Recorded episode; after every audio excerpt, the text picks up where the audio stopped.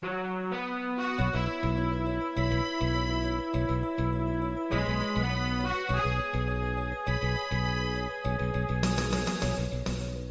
listening to Radio Free Asia.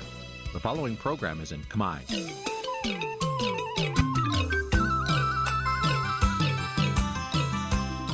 Nǐ chi càm bi tiệp xáy vệt chiu a zì sáy. នេះជាកម្មវិធីផ្សាយរបស់ Vithu Azisari ជាភាសាខ្មែរ វត្តឈូអាស៊ីសេរីសូមស្វាគមន៍លោកអ្នកនាងទាំងអស់ពីរដ្ឋធានី Washington នៃសហរដ្ឋអាមេរិកចាប់ពីរដ្ឋធានី Washington នាងខ្ញុំម៉ៅសុធានីសូមជម្រាបសួរលោកអ្នកស្ដាប់ទាំងអស់ជាទីមេត្រីចាយើងខ្ញុំសូមជូនការផ្សាយសម្រាប់ព្រឹកថ្ងៃប្រហ័ស14កើតខែបុស្សឆ្នាំខាលចត្វាស័កពុទ្ធសករាជ2566ហើយដល់ត្រូវនៅថ្ងៃទី5ខែមករាគ្រិស្តសករាជ2023 ជាកិច្ចចាប់ផ្ដើមនេះនាងខ្ញុំសូមអញ្ជើញលោកអ្នកនាងកញ្ញាស្ដាប់ព័ត៌មានប្រចាំថ្ងៃដែលមានមេត្តាដូចតទៅអតីតអ្នកកសែតអាមេរិកដែលបានសុភាពប៉ុលពតបានទទួលមរណភាពអាញាធរកម្ពុជារុះរើអាគារកាស៊ីណូ Grand Diamond City ដើម្បីសង់ថ្មី មន្ត្រីសង្គមស៊ីវិលបារម្ភពីសុខភាពរបស់ពលរដ្ឋខណៈដែលជនបរទេសមួយចំនួនបន្តប្រើប្រាស់អាវុធខុសច្បាប់គណៈបព្វឆាំងចង់ឃើញការរួបរวมជាតិនៅក្នុងឆ្នាំ2023ក៏ប៉ុន្តែបកកណ្ដាលអំណាចប្រាជ្ញាបន្តកម្ចាត់ក្រមជ្រុលនិយមរួមនឹងព័ត៌មានសំខាន់សំខាន់មួយចំនួនទៀត ចាត់ជាបន្តទៅទៀតនេះនាងខ្ញុំម៉ៃសុធានីសូមជូនព័ត៌មានទាំងនោះពឺស្ដាប់ចាលោកនាងជាទីមេត្រីអតីតអ្នកកាសែតអាមេរិកលោក Nate Thayer ដែលបានសម្ភាសមេដឹកនាំខ្មែរក្រហមប៉ុលពត បានទទួលមរណភាពហើយ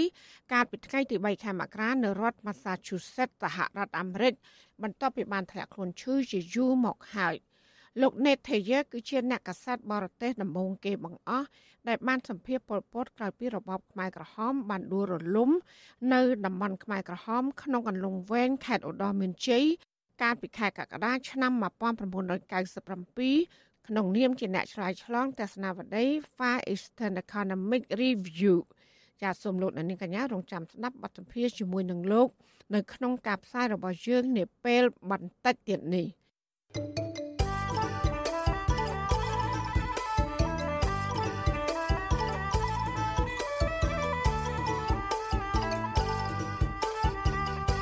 លោកនាងជាទីមេត្រីអ្នកជំនាញអំពីនីវដល់បរដ្ឋសញ្ជាតិអាមេរិកដើមកំណត់ខ្មែរ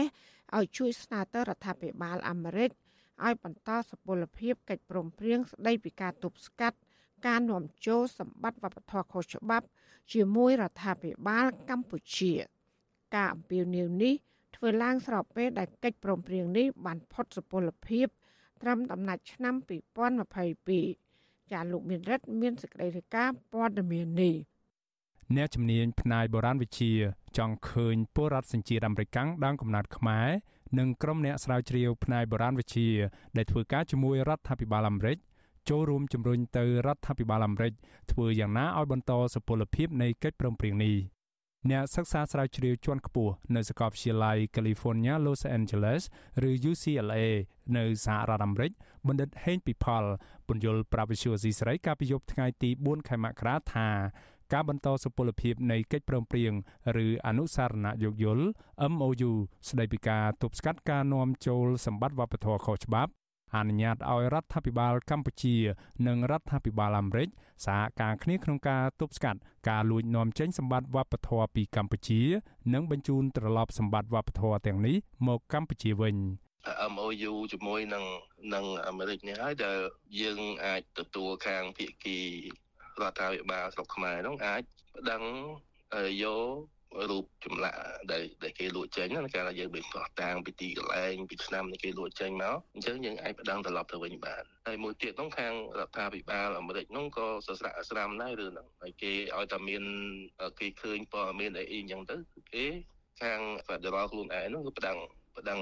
ទៅខាងអ្នក private collector ណាឬមួយទៅខាងសារមន្ទីរដែលគេទិញរូបអីអីហ្នឹងចេញពីស្រុកខ្មែរមក នៅក្នុងតំបន់អាស៊ីក្រៅពីប្រទេសចិន កម្ពុជាគឺជាប្រទេសទី1ដែលបានចុះកិច្ចព្រមព្រៀងស្តីពីការទប់ស្កាត់ការនាំចូលសម្បត្តិវប្បធម៌ខុសច្បាប់ជាមួយរដ្ឋាភិបាលអាមេរិកកិច្ចព្រមព្រៀងនេះដំបូងឡើយត្រូវបានធ្វើឡើងកាលពីឆ្នាំ2003ហើយបន្តសុពលភាពរៀងរាល់5ឆ្នាំម្ដង គឺនៅឆ្នាំ2008ឆ្នាំ2013និងចុងក្រោយនៅឆ្នាំ2018គិតត្រឹមដំណាច់ឆ្នាំ2022នេះ កិច្ចព្រមព្រៀងនេះត្រូវផុតសុពលភាព ដែលតម្រូវឲ្យរដ្ឋាភិបាលអាមេរិក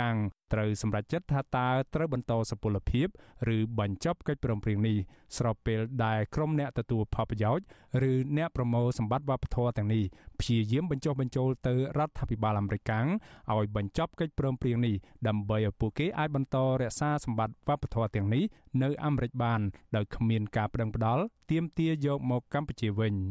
បណ្ឌិតហេងពិផលពន្យល់ថាការចូលរួមពីសំណាក់ពលរដ្ឋសញ្ជាតិអាមេរិកដើមកំណត់ខ្មែរ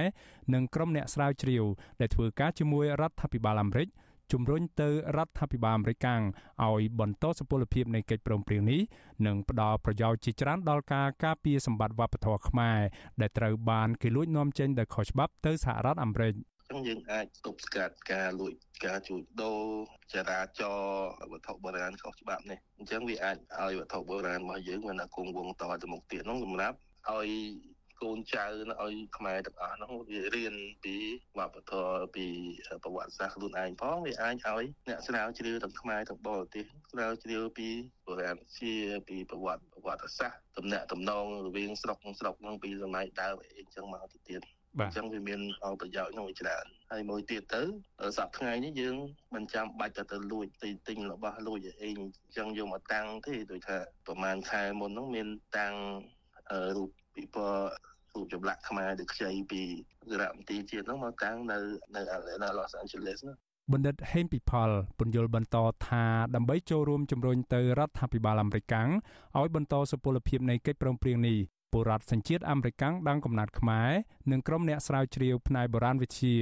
ឬសម្បត្តិវប្បធម៌ខ្មែរដែលធ្វើការជាមួយរដ្ឋាភិបាលអាមេរិកអាចចូលរួមតាមរយៈការផ្ដល់ជាមតិយោបល់ដោយផ្ទាល់មាត់នៅក្នុងកិច្ចប្រជុំអនឡាញមួយដែលរៀបចំដោយក្រសួងការបរទេសអាមេរិកដែលនឹងប្រព្រឹត្តទៅនៅថ្ងៃទី30ខែមករាវេលាម៉ោង4រសៀលម៉ោងនៅឆ្នេរខាងកើតសហរដ្ឋអាមេរិក អ្នកដែលចង់ចូលរួមត្រូវចុះឈ្មោះជាមុនត្រឹមថ្ងៃទី23ខែមករាជាមួយក្រសួងការបរទេសអាមេរិកក្រៅពីនេះអ្នកដែលចង់ចូលរួមក៏អាចសរសេរសម្បត្តិជាលាយលក្ខណ៍អក្សរផ្ញើទៅកាន់ website ក្រសួងការបរទេសអាមេរិកឲ្យបានត្រឹមថ្ងៃទី23ខែមករា មតិយោបល់ដែលអ្នកចូលរួមត្រូវផ្ដល់គឺនិយាយគាំទ្រពីផលល្អឬផ្លែផ្កាដែលកម្ពុជាទទួលបាន ពីកិច្ចព្រមព្រៀងឬ MOU ស្ដីពីការទប់ស្កាត់ការនាំចូលសម្បត្តិវប្បធម៌ខុសច្បាប់រវាងរដ្ឋាភិបាលអាមេរិកជាមួយនឹងរដ្ឋាភិបាលកម្ពុជា ក្នុងអំឡុងដំណើរទស្សនកិច្ចរបស់ប្រធានាធិបតីអាមេរិកលោក Joe Biden មកកាន់កម្ពុជា ដើម្បីចូលរួមកិច្ចប្រជុំកំពូលអាស៊ាននិងសហរដ្ឋអាមេរិកនៅក្រុងភ្នំពេញកាលពីថ្ងៃទី12ខែវិច្ឆិកាឆ្នាំ2022លោកនាយរដ្ឋមន្ត្រីហ៊ុនសែន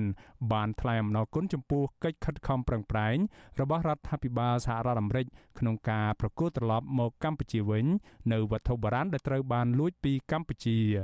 ចាប់តាំងពីមានកិច្ចព្រមព្រៀងស្តីពីការទប់ស្កាត់ការនាំចូលសម្បត្តិវប្បធម៌ខុសច្បាប់រវាងកម្ពុជានិងសហរដ្ឋអាមេរិកកិច្ចព្រមព្រៀងនេះបានសម្របសម្រួលនៅការបញ្ជូនត្រឡប់មកកម្ពុជាវិញ នៅវត្ថុបុរាណមិនអាចកាត់ថ្លៃបាន ចំនួនជាង100ដុំនិងចូលរួមកសាងសមត្ថភាពរបស់ប្រជាជនកម្ពុជា ដែលធ្វើការងារអភិរក្សបេតិកភណ្ឌវប្បធម៌ គិតចាប់តាំងពីឆ្នាំ2001មកសហរដ្ឋអាមេរិកបានផ្ដល់ថវិកាជាង5លានដុល្លារអាមេរិកដល់រដ្ឋាភិបាលកម្ពុជា សម្រាប់ការងារអភិរក្សផ្នែកវប្បធម៌ក្នុងនោះថវិកាជាង3លាន5សែនដុល្លារគឺសម្រាប់អភិរក្សនិងជួសជុលប្រាសាទភ្នំបាក់ខែងនៅខេត្តសៀមរាប និងសម្រាប់ជួយដល់សារមន្ទីរទួលស្លែងខ្ញុំបាទមេរិត Visual C ស្រីរាយការណ៍ពីរដ្ឋធានី Washington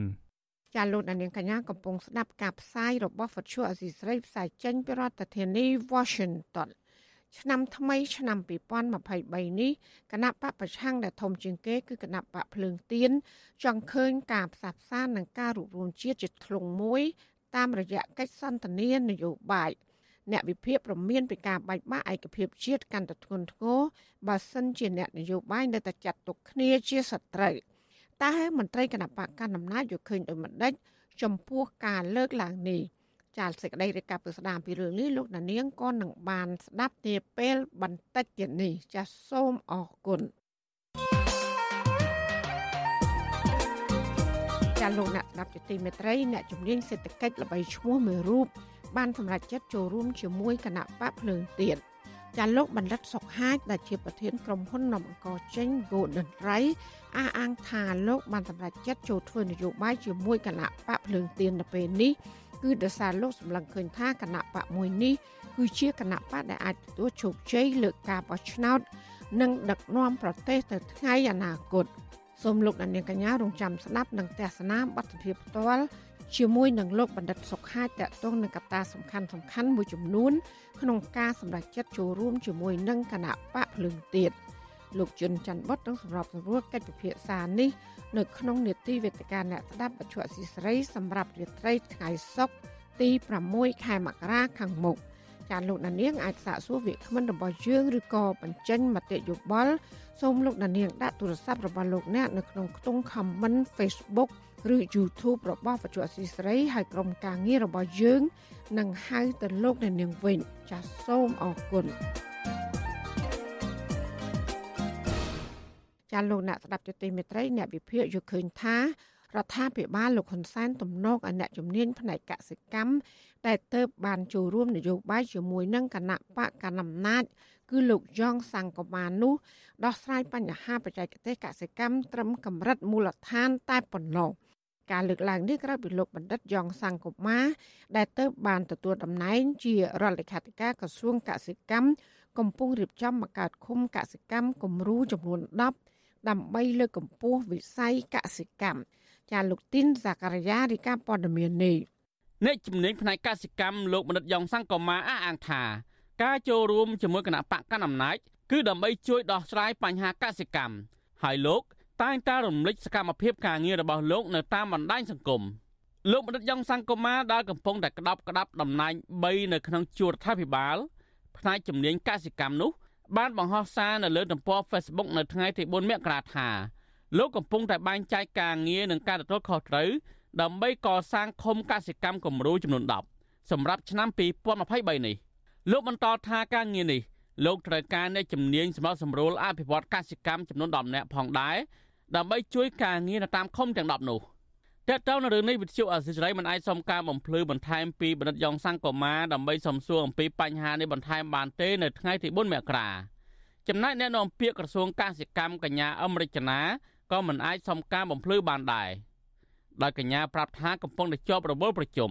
ទោះជាយ៉ាងណាលោកយ៉ងសង្គមាបានលើកឡើងតាមទំព័រ Facebook របស់លោកថាឆ្នាំ2023នេះលោកនឹងចូលរួមដោះស្រាយបញ្ហាប្រឈមមួយចំនួន ក្នុងវិស័យកសិកម្មរួមមាន បញ្ហាពូជស្រូវការផលិត និងការរកទីផ្សារស្រូវអង្ករលោកក៏សម្គាល់ឃើញថារោងម៉ាស៊ីនកិនស្រូវសពថ្ងៃប្រឈមការខ្វះខាតស្រូវដែលមានគុណភាពសុទ្ធល្អដែលជាតម្រូវការទីផ្សារសម្រាប់កែច្នៃក្នុងការលក់ទៅកាន់ទីផ្សារក្នុងស្រុកនិងក្រៅប្រទេសលោកបន្តទៀតថាអ្នកផលិតពូជស្រូវជួបបញ្ហាខ្វះទីផ្សារលក់ពូជស្រូវដែលធ្វើឲ្យការផលិតពូជស្រូវមិនសូវរីកចម្រើន អ្នកជំនាញកសិកម្មរូបនេះបន្តទៀតថាអ្នកកែច្នៃស្រូវអង្ករមិនសូវមានឬមិនបានទិញពូជសុទ្ធល្អទេបូករួមទាំងការមិនទទួលបានព័ត៌មានច្បាស់លាស់ពីពូជស្រូវដែលបញ្ហានេះធ្វើឲ្យពួកគេជួបបញ្ហាទីផ្សារតម្លៃនិងទទួលបានទិន្នផលទាបតកតងនៅរឿងនេះដែរប្រធានសម្ព័ន្ធសហគមន៍កសិករកម្ពុជា លោកថេងសាវឿនយល់ថាបើលោកបណ្ឌិតយ៉ងសង្គមាអាចដោះស្រាយបញ្ហាទាំងនេះបាន នឹងអាចទប់ស្កាត់ការចំណាកស្រុករបស់ពលរដ្ឋនិងការបាត់បង់របរកសិកម្មរបស់កសិករលោកថេងសវឿនចង់ឃើញមន្ត្រីរដ្ឋាភិបាលលោកយ៉ងសង្គមាបាក់ចិត្តទូលាយនិងបង្កភាពងាយស្រួលដើម្បីឲ្យគ្រប់ភាគីរួមមានអ្នកធ្វើការងារវិស័យកសិកម្មកសិករយុវជនជនបទស្ត្រីជនជាតិដើមភាគតិចអាចចូលរួមក្នុងការងារនេះបាន។ យើងសង្ឃឹមថាគ្រប់ពាក់ព័ន្ធពាក់ព័ន្ធនឹងត្រូវបានចូលរួមច្រើនការឲ្យមានយុទ្ធសាស្ត្រថ្មីថ្មីសម្រាប់បំពេញការងារចូលរួមលើកម្ពស់ធ្វើយ៉ាងម៉េចកុំឲ្យមានការរិះគន់ខ្លាំងទៅលើបញ្ហាវិស័យកសិកម្មដែលមិនអាចដោះស្រាយបានហ្នឹងវាត្រូវបានដោះស្រាយនៅក្នុងរជ្ជកាលថ្មីឬក៏ដិតនៃការបំពេញការងាររដ្ឋមន្ត្រីក្រសួងកសិកម្មថ្មីបាទរយៈពេលជិត1ខែក្នុងនាមជាមន្ត្រីជាន់ខ្ពស់រដ្ឋាភិបាល លោកម្រិតយ៉ងសង្គមាកំពុងតែបង្ហាញសកម្មភាពការងាររបស់លោកជាមួយកសិករនិងអ្នកពាក់ព័ន្ធវិស័យស្រូវអង្ករអតីតស្ថាបនិកគណៈបកប្រជាធិបតេយ្យមូលដ្ឋានរូបនេះធ្លាប់អះអាងថាលោកត្រូវការពេលវេលា5ឆ្នាំដើម្បីដោះស្រាយបញ្ហាកសិកម្មដែលកសិករកំពុងតែប្រឈមសពថ្ងៃនេះទោះជាយ៉ាងណានៃវិភាគនយោបាយលោកកឹមសុខយល់ថារដ្ឋាភិបាលលោកហ៊ុនសែនត្រឹមតែអនុញ្ញាតឲ្យលោកយ៉ងសង្គមាដោះស្រាយបញ្ហាបច្ចេកទេសវិស័យកសិកម្មក្នុងកម្រិតមូលដ្ឋានប៉ុណ្ណោះ លោកកឹមសុខបន្តថាការដោះស្រាយបញ្ហាធំធំរួមមានតម្លៃស្រូវអង្ករនិងការនាំចេញស្រូវអង្ករទៅលក់នៅក្រៅប្រទេសតំណងជាតិរដ្ឋាភិបាលលោកហ៊ុនសែនមិនអនុញ្ញាតឲ្យលោកយ៉ងសង្គមាមានសិទ្ធិធ្វើពេញលេញទេ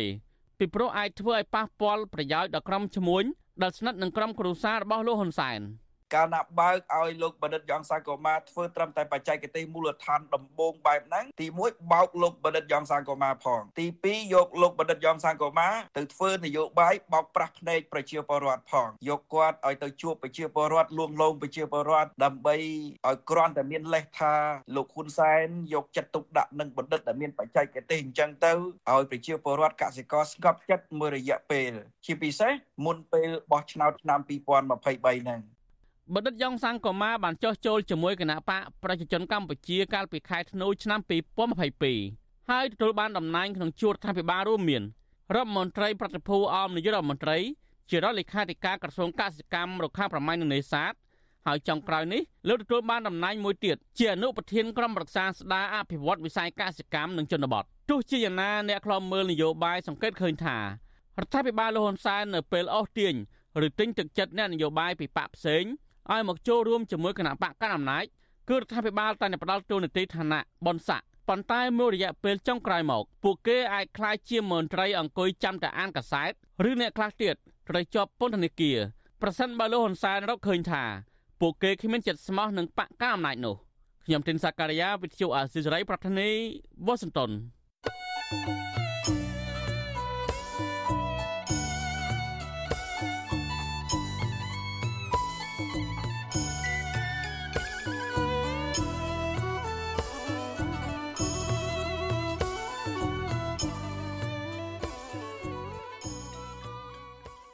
ចាលោកនាងជាទីមេត្រីនាយកដ្ឋានប្រកាសទ្រព្យសម្បត្តិនិងបំណុលនៃអង្គភាពប្រឆាំងអំពើពុករលួយ បានទទួលឯកសារប្រកាសទ្រព្យសម្បត្តិនិងបំណុលជិត14000ច្បាប់អង្គភាពប្រឆាំងអំពើពុករលួយឲ្យដឹងថាក្រសួងស្ថាប័ននិងខេត្តចំនួន9បានបញ្ចប់ការប្រកាសទ្រព្យសម្បត្តិនិងបំណុល100%រួមមានក្រសួងនិងស្ថាប័នចំនួន2គឺគណៈកម្មាធិការជាតិរៀបចំការបោះឆ្នោត និងរដ្ឋលេខាធិការដ្ឋានអាកាសចរស៊ីវិល ដោយឡែកខេត្តចំនួន9ទៀតក៏បានប្រកាសទ្រព្យសម្បត្តិរដ្ឋដែរក្នុងនោះ គឺមានខេត្តបៃលិនមណ្ឌលគិរីកំពង់ស្ពឺពោធិ៍សាត់តាកែវកំពង់ចាមសៀមរាបត្បូងឃ្មុំនិងខេត្តកែបក្រុមការងារនៃនាយកដ្ឋានប្រកាសទ្រព្យសម្បត្តិនិងបំណុលនឹងរងចាំទទួលឯកសារប្រកាសនេះរយៈពេល7ថ្ងៃក្នុងមួយសប្តាហ៍ដែលគិតចាប់ពីថ្ងៃទី1ខែមករាដល់ថ្ងៃទី31ខែមករាឆ្នាំ2023 មាត្រា17នៃច្បាប់ប្រឆាំងអំពើពុករលួយចែងថា សមាជិកភាពបុគ្គលិកដែលត្រូវប្រកាសទ្រព្យសម្បត្តិនិងបំណុលគឺនៅក្នុងពេលចូលកាន់តំណែងនិងនៅពេលចេញពីតំណែងសមាជិកភាពដែលត្រូវប្រកាសនោះរួមមាន សមាជិកប្រតិភិសមាជិករដ្ឋាភិបាលនិងសមាជិករដ្ឋាភិបាលចាលោកនាងកញ្ញាកំពុងស្ដាប់ការផ្សាយរបស់វិទ្យុអសីសេរីផ្សាយចេញពីរដ្ឋធានី Washington ចាដំណើរគ្នានឹងស្ដាប់ការផ្សាយរបស់វិទ្យុអសីសេរីតាមបណ្ដាញសង្គម Facebook និង YouTube លោកអ្នកនាងកញ្ញាក៏អាចស្ដាប់ការផ្សាយរបស់វិទ្យុអសីសេរី តាមរយៈរលក ធាតុអាកាសខ្លីឬ Short Wave តាមកម្រិតនិងកម្ពស់ដូចតទៅចាប់ពេលព្រឹកចាប់ពីម៉ោង5កន្លះដល់ម៉ោង6កន្លះតាមរយៈប៉ុស SW 9.39 MHz ស្មើនឹងកម្ពស់ 32m និងប៉ុស SW 11.85 MHz ស្មើនឹងកម្ពស់ 25m ចាសម្រាប់ពេលយប់វិញចាប់ពីម៉ោង7កន្លះដល់ម៉ោង8កន្លះតាមរយៈប៉ុស SW 9.39 MHz ស្មើនឹងកម្ពស់ 32m ប៉ុស SW 11.88 MHz ស្មើនឹងកម្ពស់ 25m និងប៉ុស SW 15.15 MHz ស្មើនឹងកម្ពស់ 20m ចាសសូមអរគុណចាលោកអ្នកស្ដាប់យុតិមេត្រីមន្ត្រីសង្គមស៊ីវិលព្រួយបារម្ភចំពោះសន្តិសុខសុវត្ថិភាពរបស់ពលរដ្ឋក្រោយពីមានករណីជនជាតិចិនហើយនិងវៀតណាមមួយចំនួនត្រូវបានសមត្ថកិច្ចចាប់ខ្លួនពាក់ព័ន្ធនឹងការកាន់កាប់អាវុធខុសច្បាប់ និងការបាញ់បោះជាបន្តបន្ទាប់ ចាពួកគេក៏បានស្នើឲ្យក្រសួងនិងស្ថាប័នពាក់ព័ន្ធគួរតែរឹតបន្តឹងនិងពង្រឹងការអនុវត្តច្បាប់ ដើម្បីទប់ស្កាត់ភាពអនាធិបតេយ្យនៅក្នុងសង្គមចានេះគឺជាសកម្មភាពរបស់លោកយ៉ងច័ន្ទតារាជំនាញព័ត៌មាននេះដូចតទៅសង្គមស៊ីវិលប្រួយបារម្ភចំពោះជនបរទេសមួយចំនួនកាន់កាប់និងប្រើប្រាស់អាវុធបាញ់បោះដោយសេរី នៅតាមតំបន់មួយចំនួន ជាពិសេសកន្លែងសម្បូរទៅដោយជនជាតិចិននិងវៀតណាម ប្រធានសមាគមនិស្សិតបញ្ញវន្តខ្មែរលោកកើតសារាយកត់សម្គាល់ថាក្រោយការធ្វើសមាហរណកម្មពីគ្រប់ភាគីប្រដាប់អាវុធមករដ្ឋាភិបាលបានប្រមូលអាវុធពីពលរដ្ឋដើម្បីកំទេចចោលហើយមិនសូវមានបទល្មើសបាញ់បោះអ្វីនោះទេក៏ប៉ុន្តែនៅរយៈពេលចុងក្រោយនេះមានករណីបង្កហិង្សាដោយអាវុធជាច្រើនករណីបានកើតឡើង វាធ្វើឲ្យប៉ះពាល់ដល់សន្តិសុខសង្គមប៉ះពាល់ដល់សន្តិសុខសង្គមនឹងមិនមែនតែប៉ះពាល់ដល់សុវត្ថិភាពផ្លូវកាយអាយុជីវិតរបស់ពលរដ្ឋទេបញ្ហាសុខភាពផ្លូវចិត្តរបស់ប្រជាពលរដ្ឋហ្នឹងក៏ប៉ះពាល់ដូចគ្នាធ្វើឲ្យពួកគាត់មានអារម្មណ៍ភ័យតក់ស្លុតសម្បីតែគេងសម្រានក៏អត់មានអារម្មណ៍ថាទទួលបានសុវត្ថិភាពណាក្តីបារម្ភនេះកើតមានឡើងក្រោយពីសមត្ថកិច្ចក្រុងបាវិតខេត្តស្វាយរៀងបានបញ្ជូនជនជាតិវៀតណាមចំនួន4នាក់ ពាក់ព័ន្ធទៅនឹងការកាន់កាប់អាវុធខុសច្បាប់និងបាញ់បោះដោយសេរីនៅក្នុងក្រុងបាវិតខេត្តស្វាយរៀងទៅតុលាការកាលពីថ្ងៃទី3ខែមករាករណីដាច់ដライមួយទៀតមានជនជាតិវៀតណាមចំនួន2នាក់និងខ្មែរម្នាក់កាលពីថ្ងៃទី28ខែធ្នូបានបាញ់តដៃនឹងសមត្ថកិច្ចបណ្ដាលឲ្យសមត្ថកិច្ចម្នាក់ស្លាប់សង្គមស៊ីវិលបារម្ភថាការប្រើប្រាស់កំភ្លើងបាញ់បោះរបស់ជនបរទេសនេះនឹងបង្កឲ្យមានបញ្ហាសន្តិសុខសវត្ថិភាព។ សង្គមស៊ីវិលរិះគន់ថាបទល្មើសបាញ់បោះដោយសេរីកើតឡើងច្រើនដោយសារការអនុវត្តច្បាប់មានភាពធូររលុងនិងមានអំពើពុករលួយជាប្រព័ន្ធជុំវិញរឿងនេះនាយកប្រតិបត្តិអង្គការសង្ត្រាល់លោកមឿនដុល្លារសង្កេតឃើញថាអំពើហិង្សានៅក្នុងសង្គមកើនឡើង ហើយនៅពេលមានបទល្មើសកើតឡើង តែងតែមានវប្បធម៌អន្តរាគមផ្សេងផ្សេងពីមន្ត្រីមួយចំនួនដើម្បីដោះស្រាយបញ្ចប់រឿងដោយមិនអនុវត្តតាមនីតិវិធីច្បាប់ឡើយ។ លោកថានៅក្នុងសង្គមមួយប្រសិនបើមន្ត្រីគ្មានឆន្ទៈជួយដល់ពលរដ្ឋហើយការអនុវត្តច្បាប់គ្មានសមភាពនោះនឹងធ្វើឲ្យមានអំពើនីតិរដ្ឋភាពកើតឡើងលោកបន្តថាការប្រើវប្បធម៌អន្តរាគមនិងអំពើពុករលួយគឺជាការលើកទឹកចិត្តដល់អ្នកប្រព្រឹត្តបទល្មើសឲ្យលែងខ្លាចញញើតនឹងច្បាប់ ជនល្មើសអាងថាវាយគេហើយបកករបួសស្នាមដល់គេហើយប្រើហិង្សាទៅលើគេហើយប៉ុន្តែរួចខ្លួនឬក៏ជាប់បានមួយថ្ងៃពីរថ្ងៃមួយខែអីពីរខែអីចឹងទៅបានចេញទៅវិញចឹងគេហៅវាយបងលុយវាយបងលុយណាចឹងអាហ្នឹងវាដូចជាលើកទឹកចិត្តទៅឲ្យជនល្មើសហ្នឹងចេះតែប្រព្រឹត្តបទល្មើសបន្តទៀតតោះហ្នឹងតតែយើងកាត់ផ្ដាច់អំពើពុករលួយតាមដែលអាចធ្វើបានហើយត្រីទាំងឡាយណាដែលគាត់ពាក់ព័ន្ធជាមួយនឹងការសោកប៉ាន់ទទួលសំណូកពីជនល្មើសយ៉ាងហ្នឹងទេសម្បីតែមន្ត្រីតុលាការអីហ្នឹងបើសិនជាមានការពាក់ព័ន្ធនឹងហ្នឹងក៏គួរតែទទួលវិន័យអីច្បាស់លាស់ដែរជុំវិញករណីជនបរទេសប្រើប្រាស់អាវុធខុសច្បាប់នេះអ្នកនាំពាក្យក្រសួងមហាផ្ទៃលោកខៀវសុភ័ក្របានប្រាប់វិទ្យុអាស៊ីសេរីថាលោកក៏ព្រួយបារម្ភដែរចំពោះរឿងនេះក៏ប៉ុន្តែលោកថាសមត្ថកិច្ចបានបង្ក្រាបជនល្មើសទាន់ពេលវេលា និងបញ្ជូនតាមនីតិវិធីទៅតុលាការអស់ហើយ សំបីតែខ្ញុំដូចសារបាញ់បោះក៏ព្រួយដែរដូចគ្នាណាប៉ុន្តែសំខាន់តែអ្នកបាញ់បោះត្រូវបានចាប់ខ្លួនឬអត់គឺសំខាន់ដូច្នេះរាល់កិច្ចការនេះទាំងអស់មានការបាញ់បោះមែនព្រោះតែជនល្មើសត្រូវបានចាប់ខ្លួនទៅជួបនៅតុលាការទោះជាយ៉ាងណាលោកខៀវសុភ័ក្រមិនបានបញ្ជាក់ពីវិធានការត្រួតពិនិត្យនិងទប់ស្កាត់ព្រមទាំងយុទ្ធសាស្ត្របង្ក្រាបទៅលើទីតាំងដែលមានជនបរទេសរស់នៅនិងរកស៊ីច្រើនដូចជានៅខេត្តព្រះសីហនុរាជធានីភ្នំពេញនិងខេត្តជាប់ព្រំដែនមួយចំនួននោះឡើយកន្លងទៅ ក្រុមអ ுக ្រិតជនបរទេសដែលសមត្ថកិច្ចចាប់ខ្លួនបានភ ieck ច្រើនបានជួញដូរគ្រឿងញៀនបង្ខាំងមនុស្សឃាតកម្មបាញ់សម្លាប់និងបាញ់បោះដោយសេរីសង្គមស៊ីវិលជំរុញដល់រដ្ឋាភិបាលនិងក្រសួងពាក់ព័ន្ធរឹតបន្តឹងការអនុវត្តច្បាប់ដោយតម្លាភាពទប់ស្កាត់ការចរាចរអាវុធនិងអំពើពុករលួយ ដើម្បីការពារសន្តិសុខសុវត្ថិភាពជូនប្រជាពលរដ្ឋប្រកបដោយប្រសិទ្ធភាពខ្ញុំយ៉ងច័ន្ទដារាវិទ្យុអាស៊ីសេរីរាយការណ៍ពីរដ្ឋធានី Washington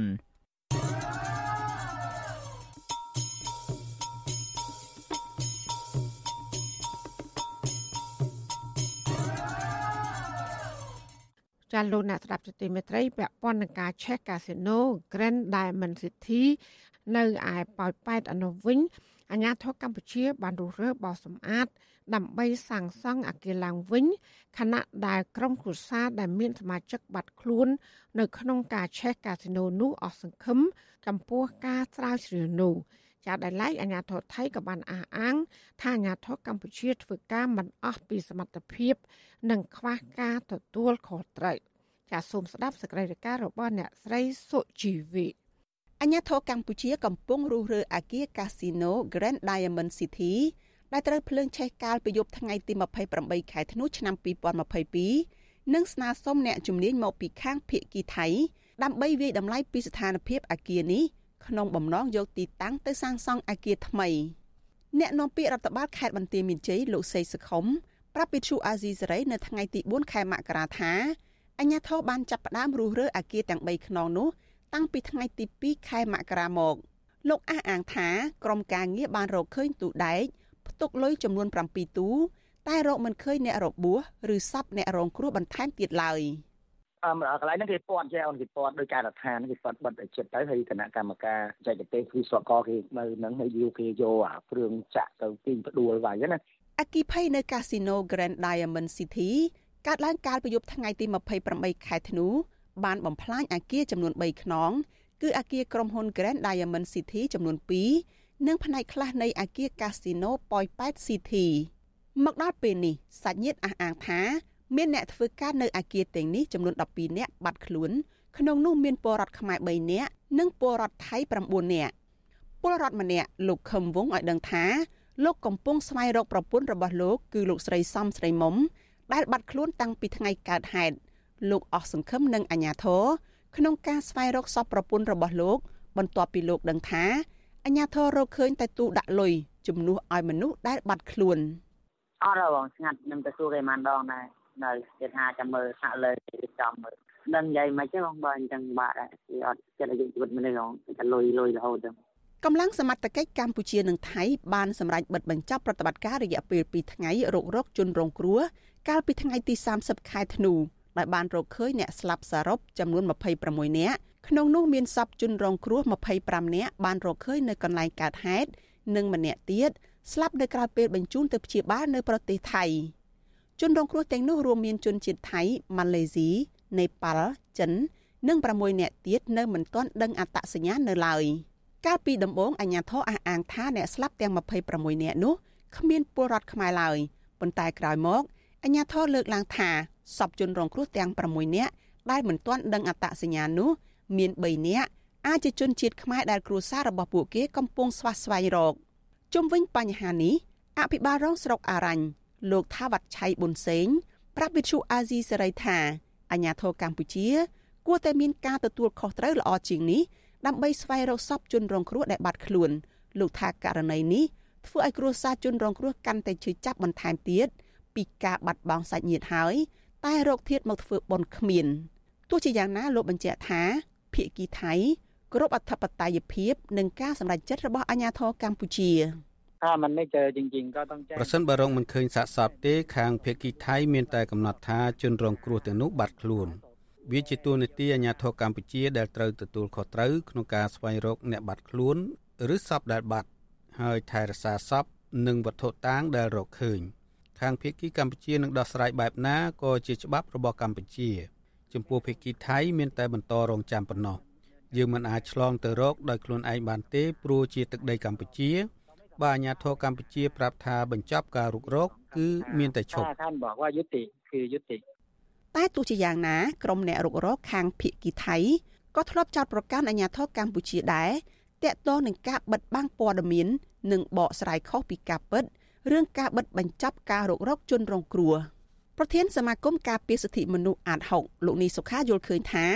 អញ្ញាធរគួរតែបន្តស៊ើបអង្កេត និងស្រាវជ្រាវករណីអគីភ័យមួយនេះឲ្យល្អិតល្អន់ ដើម្បីស្វែងរកអ្នកទទួលខុសត្រូវពិសេសអ្នកដែលបាត់ខ្លួននៅក្នុងហេតុការណ៍នោះលោកបន្តថា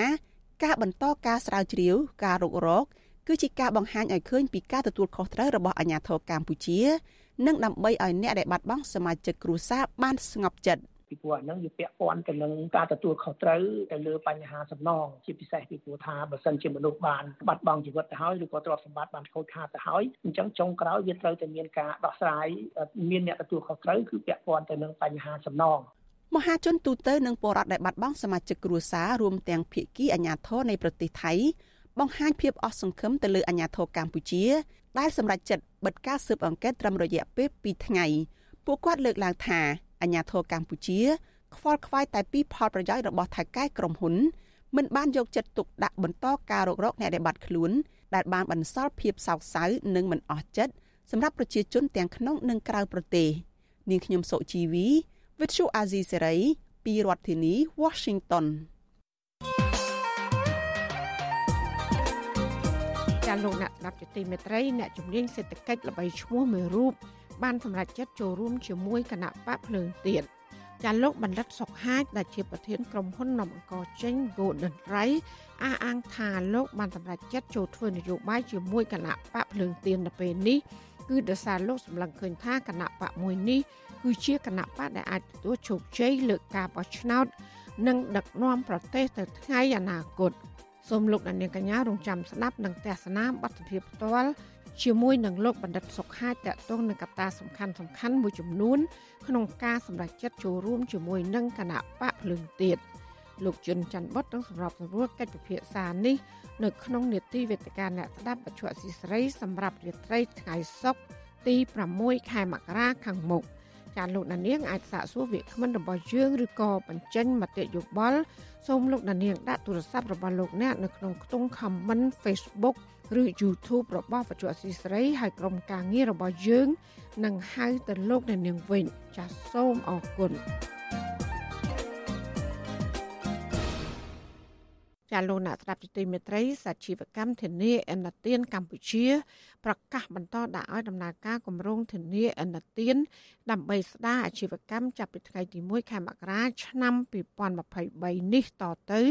រហូតដល់គម្រោងនេះត្រូវបានប្រើប្រាស់អស់ រហូតមកដល់ចុងខែធ្នូឆ្នាំ2022កម្ចីចំនួនទឹកប្រាក់200លានដុល្លារបានប្រើប្រាស់អស់ប្រមាណ89លានដុល្លាររួចហើយ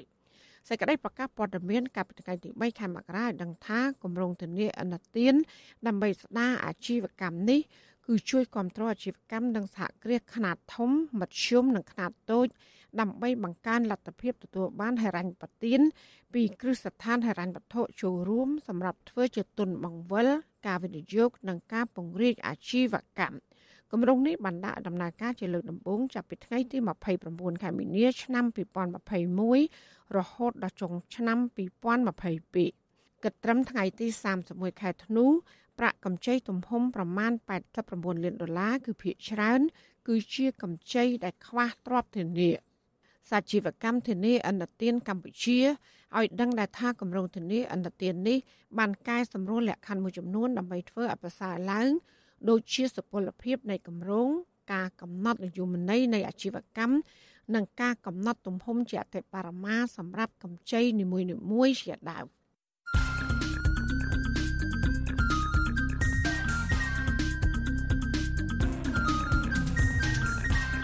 បតសំភារ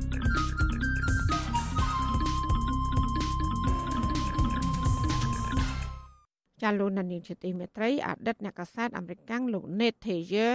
ដែលបានសម្ភាសមេដឹកនាំខ្មែរក្រហមពលពត បានទទួលមរណភាពហើយកាលពីថ្ងៃទី3ខែមករា នៅឯរដ្ឋ Massachusetts សហរដ្ឋអាមេរិកបន្ទាប់ពីលោកធ្លាក់ខ្លួនឈឺជាយូរមកហើយ លោក Nate Thayer គឺជាអ្នកកាសែតបរទេសដំបូងគេ ដែលបានសម្ភាសពលពតក្រោយពីរបបខ្មែរក្រហមបានដួលរលំ នៅតំបន់ខ្មែរក្រហមក្នុងអន្លង់វែងខេត្តឧត្តរមានជ័យកាលពីខែកក្កដាឆ្នាំ1997ក្នុងនាមលោកជាអ្នកឆ្លើយឆ្លងទស្សនាវដ្តីសេដ្ឋកិច្ចចុងបូព៌ាឬ Far Eastern Economic Review សាច់ញាតិរបស់លោក Nethayer បានរំលឹកពីភាពក្លាហាននិងការបដិញ្ញាចិត្តរបស់លោក ក្នុងពេលដែលលោកបំពេញអាជីពជាអ្នកកាសែតដែលមានការប៉ិនប្រសពក្នុងការរាយការណ៍អំពីរឿងរ៉ាវផ្សេងៗកាលពីនៅមានជីវិតក្នុងឆ្នាំ2008លោក Nate Thayer បានផ្ដល់បទសម្ភាសន៍ដល់លោកជីវតានៃវិទ្យុអសីសេរី នៅឯគេហដ្ឋានរបស់លោកក្នុងរដ្ឋ Maryland សហរដ្ឋអាមេរិកអំពីកិច្ចសម្ភាររបស់លោកជាមួយអតីតមេដឹកនាំខ្មែរក្រហមប៉ុលពត លោក Nate Payer ដឹងថាប៉ុលពតដែលជាមេដឹកនាំខ្មែរក្រហមអកំបាំងត្រូវបានចាប់ខ្លួនឲ្យនៅក្នុងផ្ទះដោយអតីតយុទ្ធមិត្តរបស់គាត់ចាលោក Nate Payer ឲ្យដឹងថាប៉ុលពតដែលជាមេដឹកនាំខ្មែរក្រហមអកំបាំងនឹងត្រូវបានចាប់ឃុំខ្លួនឲ្យនៅក្នុងផ្ទះដោយអតីតយុទ្ធមិត្តរបស់លោកគឺតាមុកកាលពីឆ្នាំ1997នោះ លោកចង់ឲ្យលោក Nethayer ដឹងពីប្រវត្តិខ្មែរក្រហម និងនយោបាយឈានពានរបស់វៀតណាមចាសសូមអញ្ជើញលោកដានៀងស្ដាប់បទសម្ភាសន៍របស់លោកជីវតាជាមួយលោក Nethayer ជាមួយរឿងនេះដូចតទៅ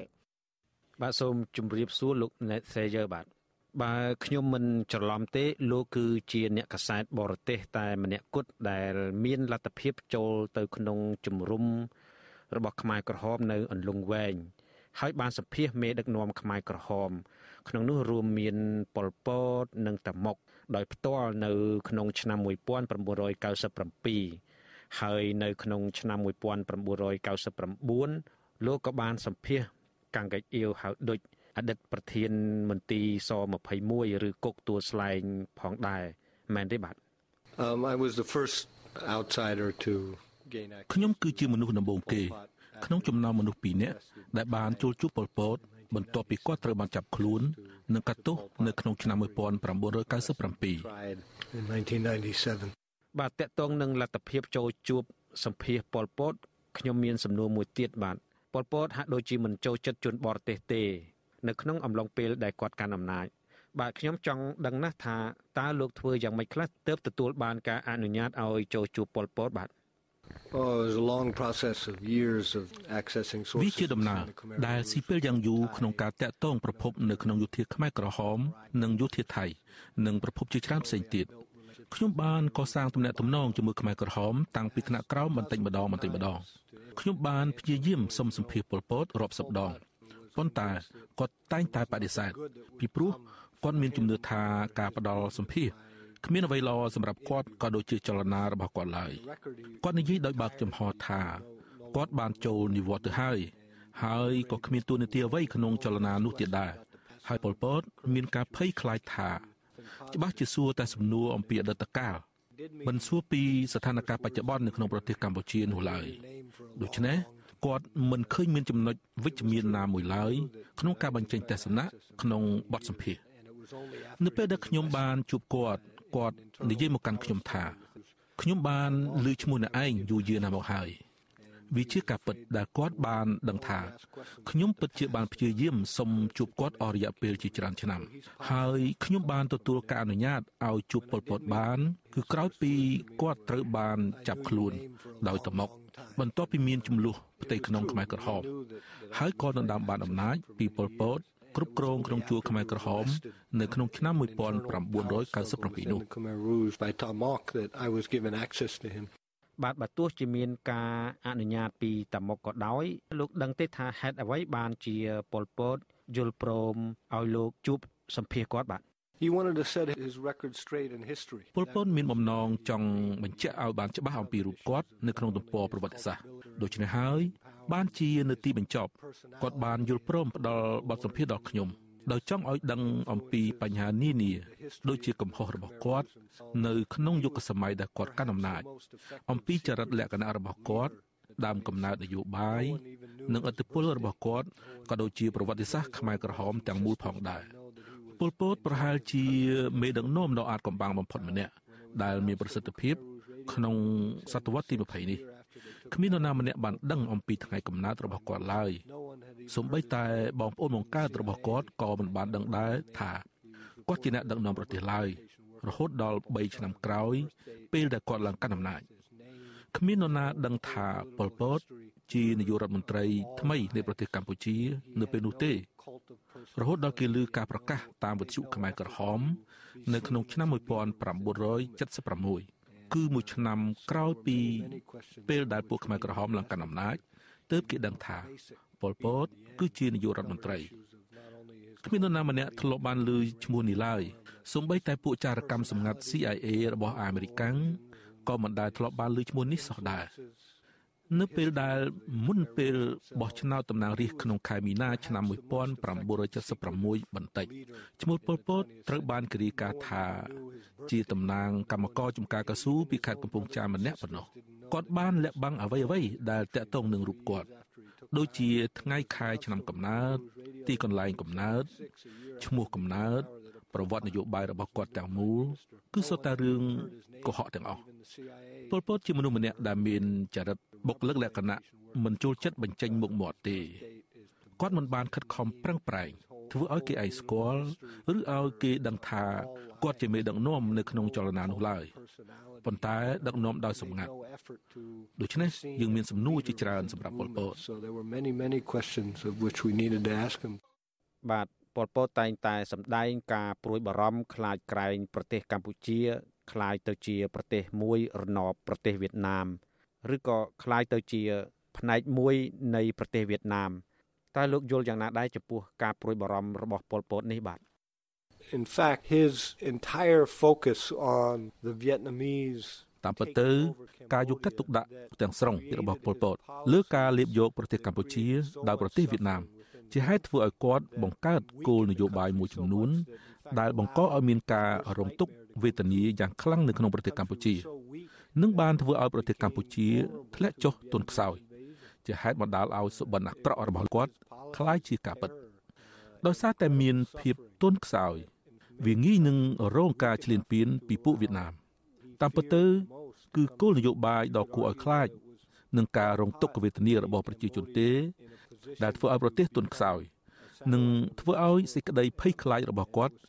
คล้ายជាការពិតនោះ លោកអាចថាគឺពលពតនឹងឯងដែលធ្វើឲ្យប្រទេសកម្ពុជាក្លាយជាប្រទេសរណបរបស់សត្រូវប្រវត្តិសាស្ត្ររបស់ខ្លួន ហើយវាជារឿងគួរឲ្យឈឺចាប់ខ្លាំងណាស់សម្រាប់ពលពត ដែលត្រូវទទួលស្គាល់ថាគោលនយោបាយគាត់នឹងឯងដែលបង្កឲ្យប្រទេសកម្ពុជាបាត់បង់បើទោះបីជាគាត់តែងតែលើកតម្កើងខ្លួនឯងថាគាត់បានជួយសង្គ្រោះប្រទេសមិនឲ្យបាត់បង់ពីលើផែនដីនេះ លោកមានប្រសាសន៍ថាប៉ុលពតនិយាយថាមានការប៉ុនប៉ងរដ្ឋប្រហារចំនួន6ដងប៉ុន្តែហេតុអ្វីបានជាគ្មានការប៉ុនប៉ងណាមួយទទួលបានជោគជ័យសោះអញ្ចឹងបាទ Well anyone who voiced any opposition to Pol Pot នោះណាក៏ដោយដែលហ៊ានសម្ដែងការជំទាស់នឹងប៉ុលពតបើទោះបីជាអ្នកនោះមានឋានៈតូចក្តីឬក៏ស្ថិតនៅក្នុងជួរថ្នាក់ដឹកនាំជាន់ខ្ពស់នៃរបបខ្មែរក្រហមក្តី នឹងត្រូវបានចាត់ទុកថាជាសត្រូវហើយនឹងត្រូវបានចាប់ខ្លួនយកទៅសម្លាប់ចោលជាមិនខាននៅពេលដែលខ្មែរក្រហមឡើងកាន់អំណាចនៅក្នុងឆ្នាំ1975មានសមាជិកគណៈមជ្ឈិមបកកុម្មុយនីសកម្ពុជាចំនួន22រូបប៉ុន្តែក្នុងអំឡុង3ឆ្នាំ8ខែ20ថ្ងៃដែលពួកគេកាន់អំណាចនិងមុនពេលដែលពួកគេត្រូវផ្ដួលរំលំ សមាជិក18នាក់ក្នុងចំណោមសមាជិកទាំង22រូបនៃគណៈមជ្ឈិមបកកុម្មុយនីសកម្ពុជានោះត្រូវបានសម្លាប់ឬត្រូវបានតាមសម្លាប់ដោយប៉ុលពតអ្នកដែលត្រូវយកទៅសម្លាប់ចោលភិកច្រើនតាមពិតទៅគឺជាកម្មាភិបាលខ្មែរក្រហមខ្លួនឯងនឹងហើយគោលដៅរបស់ប៉ុលពតគឺការធ្វើវិសុទ្ធកម្មឬការធ្វើឲ្យមានភាពស្អាតស្អំក្នុងជួរខ្មែរក្រហមប្រៀបធៀបអំពីការសម្លាប់នៅក្នុងរបបខ្មែរក្រហម គឺថាក្នុងចំណោមមនុស្សម្នាក់ដែលត្រូវបានគេប្រហារជីវិតប្រហែលជាមនុស្ស7នាក់ត្រូវបានស្លាប់ដោយសារអត់អាហារនិងដោយការងារលើសកម្លាំងហើយការសម្លាប់ភាគច្រើន គឺផ្ដោតជាសំខាន់លើកម្មាភិបាលខ្មែរក្រហម ការនេះបង្កើតឲ្យមានបរិយាកាសប្រកបដោយការភ័យខ្លាចសម្រាប់មនុស្សទូទាំងប្រទេស ហើយរាល់ការប្រព្រឹត្តទាំងឡាយណា ដែលត្រូវបានគេគិតថាប្រឆាំងនឹងរបបខ្មែរក្រហមនោះបើទោះបីជារឿងនោះតូចតាចក្តី គឺមានន័យស្មើនឹងសេចក្តីស្លាប់មេដឹកនាំខ្មែរក្រហមយល់ថាមានការប៉ុនប៉ងធ្វើរដ្ឋប្រហារតើនោះអាចជាការប្រឌិត ដើម្បីធ្វើការចោទប្រកាន់អ្នកដទៃថាប៉ុនប៉ងធ្វើរដ្ឋប្រហារដើម្បីចាប់ខ្លួនដែរឬទេបាទ I asked Pol Pot name me who was part of a plot ខ្ញុំបានសួរប៉ុលពតថានរណាខ្លះដែលប៉ុនប៉ងធ្វើរដ្ឋប្រហារនោះប៉ុន្តែប៉ុលពតបាននិយាយថា គាត់មិនអាចបញ្ជាក់ប្រាប់ឈ្មោះបានទេគាត់បានផ្អាកនៅស្ងៀមមិននិយាយស្ដីប្រហែល2 3នាទី ហើយក៏បានប្រាប់ឈ្មោះមនុស្សម្នាក់គឺឈ្មោះយ៉ាដែលមកពីភូមិភាគឦសានរបស់ប្រទេសកម្ពុជា ហើយដែលត្រូវបានយកទៅសម្លាប់នៅមន្ទីរស21ទោះជាយ៉ាងណាប៉ុលពតមិនបានប្រាប់ឈ្មោះអ្នកដែលនៅពីក្រោយខ្នងនោះឡើយនៅក្នុងចិត្តរបស់ប៉ុលពតគឺសត្រូវរបស់គាត់គឺនៅគ្រប់ទីកន្លែង ពលគឺនៅក្នុងជួរខ្មែរក្រហមតែម្ដងពួកមេដឹកនាំខ្មែរក្រហមយកទៅទុកដាក់តែលើការធានាការពារឲ្យបាននៅសុវត្ថិភាពនៃរបបរបស់ខ្លួន ដោយមិនបណ្ដោយឲ្យមេដឹកនាំខ្មែរក្រហមណាមួយផ្ដួលរំលំពួកគេបានឡើយចុងបញ្ចប់នៃការព្រួយបារម្ភរបស់ពួកគេ បានបង្កើតឲ្យមានជំងឺសង្ស័យគ្នាខ្លាំងឡើងខ្លាំងឡើងប៉ុន្តែតាមពិតទៅវាអាចត្រូវដែរពីព្រោះនៅពេលនោះលក្ខខណ្ឌនៃការរស់នៅ គឺគួរឲ្យភ័យខ្លាចខ្លាំងណាស់ការគ្រប់គ្រងនិងគោលនយោបាយរបស់មជ្ឈិមបកវាអាក្រក់ក្រៃលែងដែលប្រកាសជាបណ្ដាលឲ្យមានការប្រឆាំងហើយដូច្នេះការភ័យខ្លាចរបស់ប៉ុលពតវាត្រឹមត្រូវមួយយ៉ាងដែរគឺវាស៊ីគ្នាទៅនឹងប្រវត្តិសាស្ត្រនយោបាយនៅក្នុងប្រទេសកម្ពុជាដែលថាតែងតែមានសត្រូវនៅក្នុងជួរបករបស់ខ្លួន កំពុងតែធ្វើ គ្រោងការក្បត់គឺថាបើសិនបើអ្នកទាំងឡាយណាមិនមានសេចក្តីស្មោះស្ម័គ្រទាំងស្រុងគោរពដល់មេដឹកនាំណាម្នាក់អ្នកទាំងនោះនឹងត្រូវគេចាត់ទុកថាសត្រូវរបស់ថ្នាក់ដឹកនាំរូបនោះជាក់ជាមិនខានដូច្នេះមនុស្សដែលមានការរិះគន់ឬក៏ជំទាស់ទៅនឹងគោលនយោបាយមួយចំនួននឹងត្រូវបានចាត់ទុកថាជាផ្នែកងារសម្ងាត់របស់រដ្ឋាភិបាលបរទេសបើសិនជាអ្នកធ្វើការជំទាស់នឹងប៉ុលពតអ្នកជាសត្រូវរបស់គាត់ If you didn't agree with Pol Pot you were an enemy ចាលោកនាងកញ្ញាទៅបានស្ដាប់បទសម្ភាសន៍របស់លោកជីវតាជាមួយនឹងលោក Nethejer អំពីប្រវត្តិនិងការតស៊ូរបស់ប៉ុលពត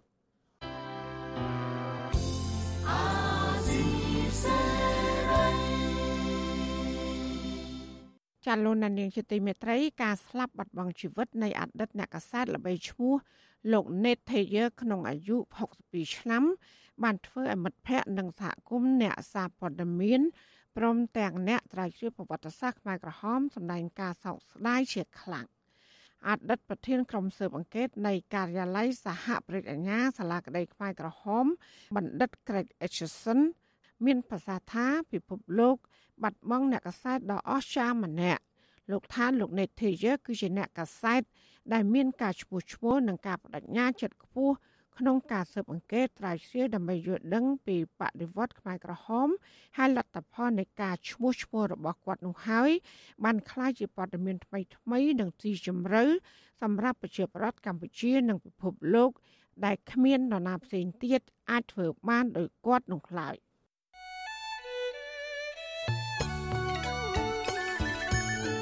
ចាលោកនាងកញ្ញាជាទីមេត្រីក្រៅតែពីការតាមដានការផ្សាយរបស់វិទ្យុអសីស្រីតាមបណ្ដាញសង្គម Facebook YouTube Telegram លោកនាងកញ្ញាក៏អាចស្ដាប់ការផ្សាយរបស់យើងតាមបណ្ដាញសង្គម Instagram ដែលមានអាសយដ្ឋាន instagram.com/rfa ខ្មែរ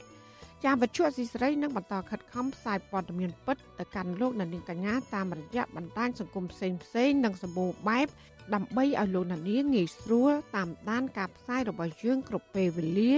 និងគ្រប់ទីកន្លែងតាមរយៈទូរស័ព្ទដៃរបស់លោកអ្នកចាសសូមអរគុណ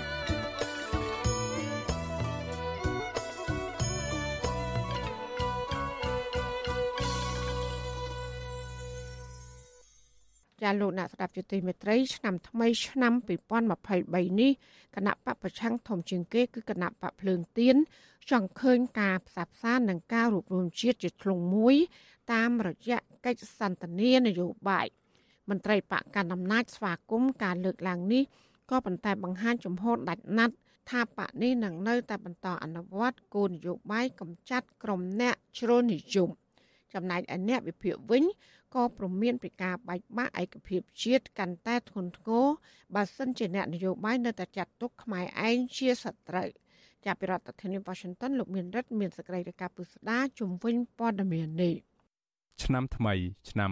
2023នេះអ្នកនយោបាយខ្មែរទំនងជាមិនអាចមួយឲ្យជ្រៅទៅឲ្យឆ្ងាយហួសពីកំអែលវប្បធម៌ចាស់កម្រិលនៃការចាត់ទុកដៃគូប្រកួតប្រជែងនយោបាយខ្មែរគ្នាឯងជាសត្រូវនោះឡើយ។ បកកណ្ដាលអំណាចបានចំណាយពេលពេញមួយឆ្នាំ2022ដាក់ចេញនូវយុទ្ធសាស្ត្រតាមគំនិតក្រុមអ្នកប្រឆាំងដែលមាននានាការផ្ទុយនឹងខ្លួនដល់ទីបញ្ចប់អនុប្រធានគណៈបកភ្លើងទៀនលោកថាច់សេដ្ឋាប្រាវិសុវអាស៊ីសេរីថាសម្រាប់ឆ្នាំថ្មីគឺឆ្នាំ2023នេះអ្វីដែលគណៈបកភ្លើងទៀនចង់ឃើញបំផុតនោះគឺសង្គមកម្ពុជាមួយ ដែលអ្នកនយោបាយខ្មែរចេះធ្វើការរួមគ្នាជាធ្លុងមួយដោយងាកមកផ្សះផ្សាជាតិនិងរួបរวมជាតិឡើងវិញ។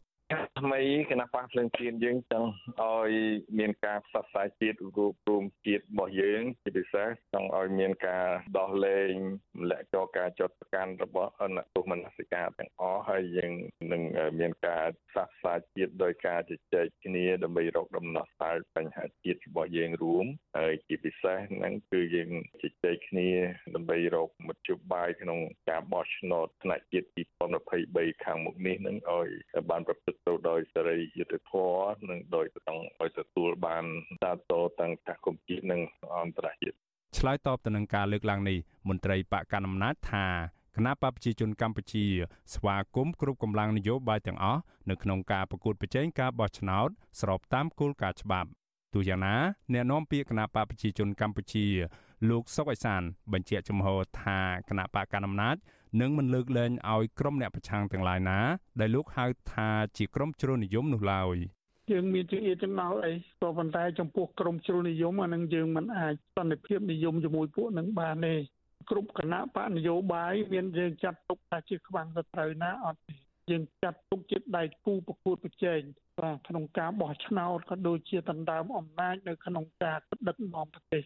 ក៏ប៉ុន្តែដោយជំរាបខាងដើមហើយប្រមុខរាជរដ្ឋាភិបាលក៏ដូចជាប្រមុខគណៈបកប្រជាជនបានប្រកាសជាចំហឲ្យអត់មានលាក់លៀមទេថាអត់មានសន្តិភាពជាមួយនឹងក្រមជ្រុលនិយមទេបាទដូច្នេះក្រមជ្រុលនិយមអត់មានចរចាអត់មានសម្របសម្រួលអីជាមួយក្រមនឹងទេបាទ គិនមកទល់ពេលនេះគណៈបកកណ្ដាលអំណាចបានអនុវត្តយុទ្ធនាការគាស់រំលើងប្រជាធិបតេយ្យអស់រយៈពេលជាង5ឆ្នាំហើយចាប់តាំងពីតុលាការកំពូលរំលាយគណៈបកសង្គ្រោះជាតិកាលពីចុងឆ្នាំ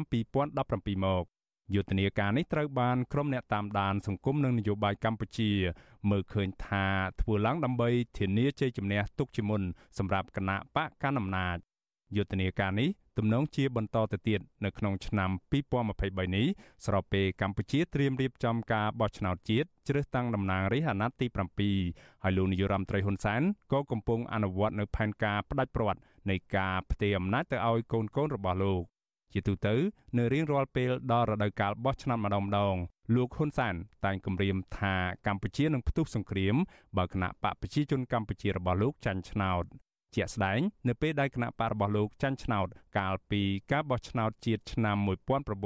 1993ដែលរៀបចំឡើងដោយអង្គការសហប្រជាជាតិលោកហ៊ុនសែនបានគម្រាមពុះជ្រៀកទឹកដីកម្ពុជាជាពីរជំរាកដោយលោកនឹងក្រសោបយកទឹកដីនៅភូមិខាងកើតនៃទន្លេមេគង្គ ក្រោយមកទៀតលោកក៏បានប្រើកម្លាំងទ័ពធ្វើរដ្ឋប្រហារបង្ហូរឈាម នៅខែកក្កដាឆ្នាំ1997ទម្លាក់សម្ដេចក្រមព្រះដែលកាលនោះជានាយករដ្ឋមន្ត្រីទី1ចេញពីអំណាច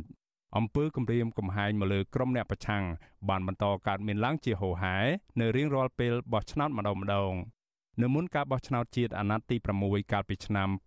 2018លោកហ៊ុនសែនបានប្រកាសគំតិចអ្វីមួយដែលលោកហៅថាជាអំពើបដិវត្តពណ៌ ចុងក្រោយនេះនៅមុនការបោះឆ្នោតជាតិឆ្នាំ2023លោកហ៊ុនសែនក៏បានប្រកាសគាស់រំលើងឬគល់ក្រុមអ្នកប្រឆាំងដែលគ្រប់គ្រងប្រធានស្ដីទីគណៈបកសង្គ្រោះជាតិគឺលោកសំរងស៊ីដែលលោកហៅថាជាជនក្បត់ជាតិ3ចំនួននិងជាក្រុមជ្រុលនិយមនោះហ៊ុនសែននឹងបដូរផ្ដាច់កំចាត់ចោលនៅមនោគមវិជ្ជានៃពូជអាក្បត់ជាតិ3ចំណត់ឥឡូវជិតដល់ខួបលើកទី20នៃការដែលឯងដាក់ចេញ អត់ស៊ីមានស៊ីអត់សែនមានសែនអត់ស៊ីហើយព្រោះចាប់ផ្ដើមពី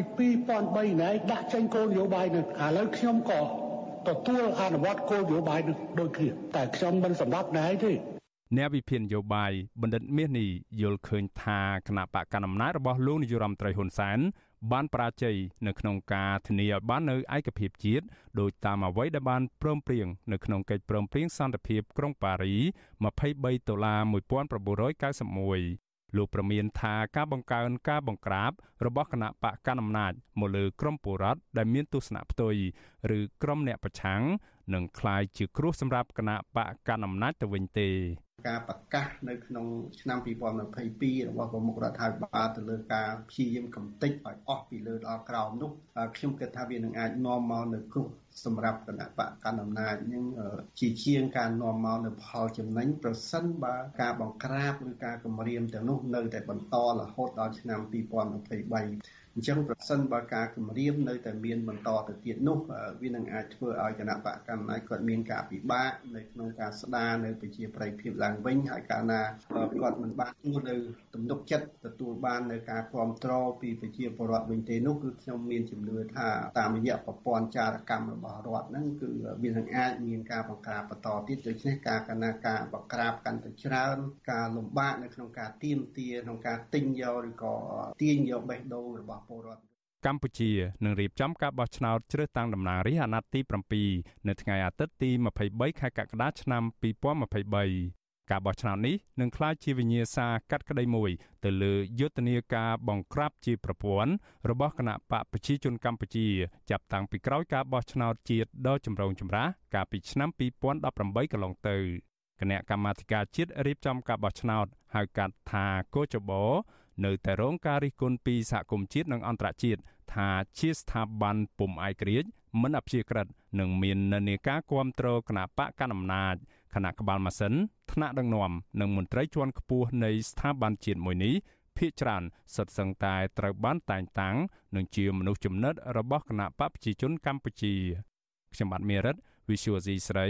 រាយការណ៍ពីរដ្ឋធានី Washington ចាលោកអ្នកស្ដាប់ជាទីមេត្រីអ្នកជំនាញសេដ្ឋកិច្ចល្បីឈ្មោះមួយរូបបានសម្រេចចិត្តចូលរួមជាមួយគណៈបកភ្លើងទៀន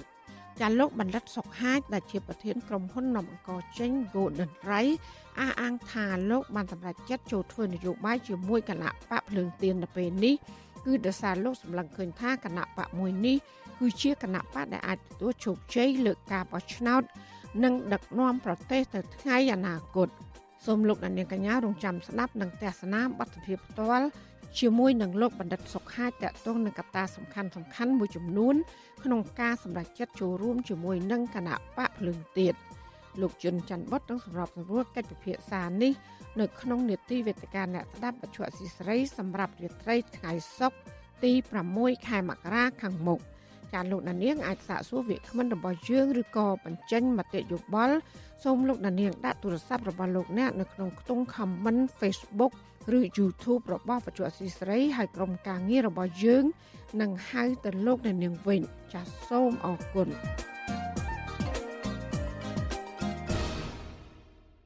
ចាលោកលានាងកញ្ញាអ្នកស្ដាប់ជាទីមេត្រីការផ្សាយរយៈពេល1ម៉ោងរបស់វិទ្យុអាស៊ីស្រីជាភាសាខ្មែរនៅពេលនេះចាប់តែប៉ុណ្ណេះចាយើងខ្ញុំទាំងអស់គ្នាសូមជូនពរលោកលានាងនិងក្រុមគ្រួសារទាំងអស់សូមជួបប្រកបតែនឹងសេចក្តីសុខសេចក្តីចម្រើន ជានិរន្តរ៍ចានាងខ្ញុំម៉ៅសុធានីព្រមទាំងក្រុមការងារទាំងអស់របស់អាស៊ីស្រីសូមអរគុណនិងសូមជម្រាបលា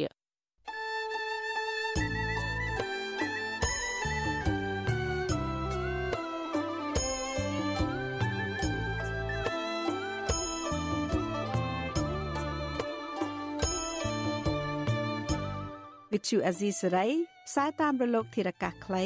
ឬ shortwave តាមកម្រិតនិងកម្ពស់ដូចតទៅនេះពេលព្រឹកចាប់ពីម៉ោង5កន្លះដល់ម៉ោង6កន្លះតាមរយៈប៉ុស SW 9.39 MHz ស្មើនឹងកម្ពស់ 32m និងប៉ុស SW 11.85 MHz ស្មើនឹងកម្ពស់ 25m ពេលយប់ចាប់ពីម៉ោង7កន្លះដល់ម៉ោង8កន្លះតាមរយៈប៉ុស SW 9.39 MHz ស្មើនឹងកម្ពស់ 32m ប៉ុស SW 11.88 MHz ស្មើនឹងកម្ពស់ 25m និងប៉ុស SW 15.15 MHz ស្មើនឹងកម្ពស់ 20m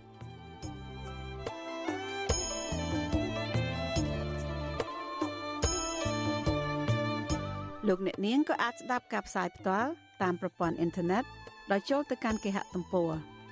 www.rfa.org/ ខ្មែរក្រៅពីនេះលោកអ្នកនាងក៏អាចអាននិងទស្សនាព័ត៌មានវិទ្យុអេស៊ីសរ៉ៃលើទូរស័ព្ទដៃរបស់លោកអ្នកផ្ទាល់សូមលោកអ្នកនាង ចូលទៅកាន់កម្មវិធី Facebook រួចស្វែងរកពាក្យ RFA ខ្មែរនិង YouTube ដោយស្វែងរកពាក្យ RFA ខ្មែរ សូមលោកអ្នកនាងចុច like និងចុច subscribe ដើម្បីទទួលបានព័ត៌មានថ្មីៗតនហេតុការនិងទស្សនាវីដេអូផ្សេងៗទៀតបានគ្រប់ពេលវេលា